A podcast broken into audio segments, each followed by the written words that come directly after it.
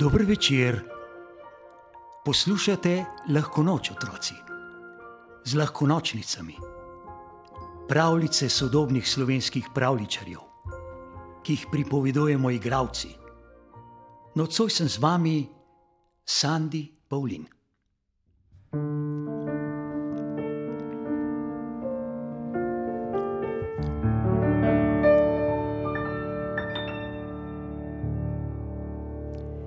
Bilo je mesto in sredi mesta knjižnica. V njej je bilo toliko knjig, da so zasedale police od stropa do tav. Nekatere so bile že zelo stare in zato veliko vredne. Vsak dan so prihajali ljudje, oddaleč so jih gledali in govorili: O, kako dragocene knjige imamo! Nikar se jih ne dotikajmo, stare so in občutljive, lahko jih po nesreči poškodujemo. In ker ni previdnosti nikoli dovolj, so še vse preostale knjige pustili raje kar pri miru, za vsak slučaj, da jim ne bi strgali kakšnega lista ali odrgnili platnic. Tako so minevala leta in desetletja, in na knjigah se je nabiral prah. Tako pa ne gre, so robantile knjige. Kaj pa si mislijo ljudje, saj nismo slike, nas samo gledajo. In so od jeze vse po vrsti poskakale s polic. Kaj je zdaj to? So bili začudeni ljudje, ki so jih zjutraj prišli oddaleč občudovati. Pobrati jih moramo, je rekel prvi. Nikakor, je rekel drugi. To je lahko zelo nevarno za nje. Ne moremo jih kar tako pustiti, je rekel tretji. Kaj si bodo pa mislili turisti, ko pridejo v knjižnico, pa bo takole razmetana. In četrti je rekel: Nič drugega nam ne preostane, kot da jih poberemo in zložimo nazaj. Samo previdno. Začeli so pobirati knjige in jih zlagati nazaj na police. Pazili so, da ne bi kakšne slučajno odprli in pogledali vanjo, kaj pa, če je za nje presvetlo in bodo črke v njih zbledele. Hudo veliko nevarnosti priži na tako knjigo, je rekel nek možak. In vsi so se strinjali. Ko so bile vse knjige spet na svojih mestih, so prinesli dolge železne palice in jih podolž pribili na police. To smo dobro naredili, so rekli. Knjige so lepo na varnem za ograjo.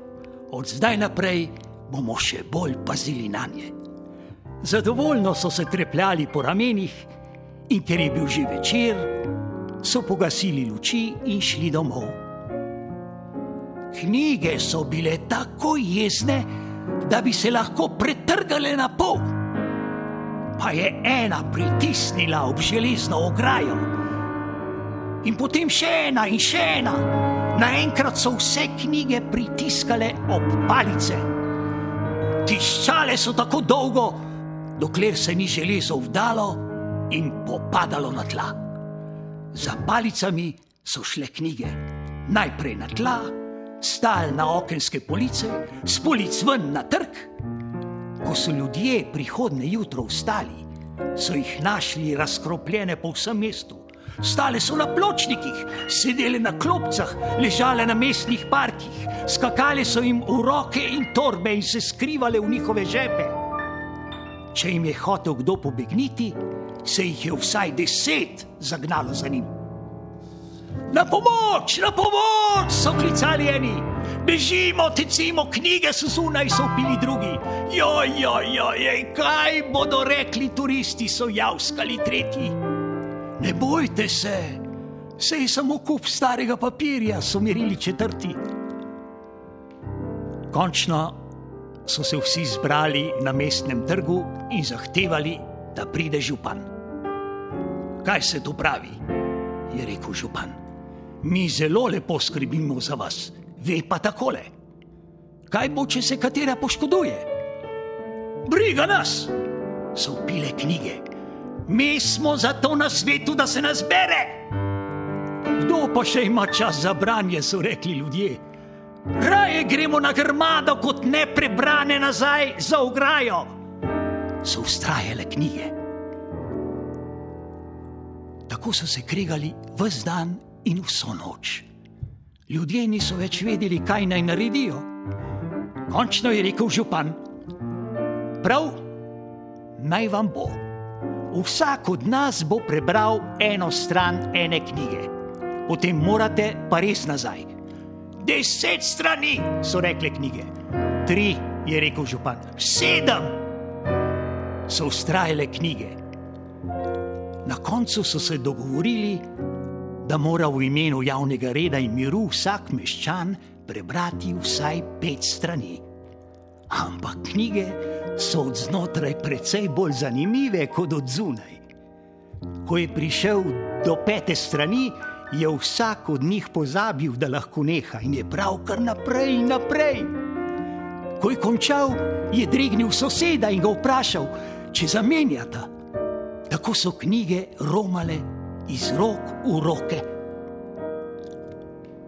Ko so jih končno vrnili v knjižnico, so imeli vse knjige že čisto odrnjene platnice. Nekateri listi so bili strgani, tu pa tam se je na kakšnem poznala packa od sladoleda. Knjige so bile zadovoljne, kot če nikoli. Ponosno so si kazale bojne rane in vse so potiho zavidale tisti, ki je bila največkrat prebrana in zato najbolj pošvedrana.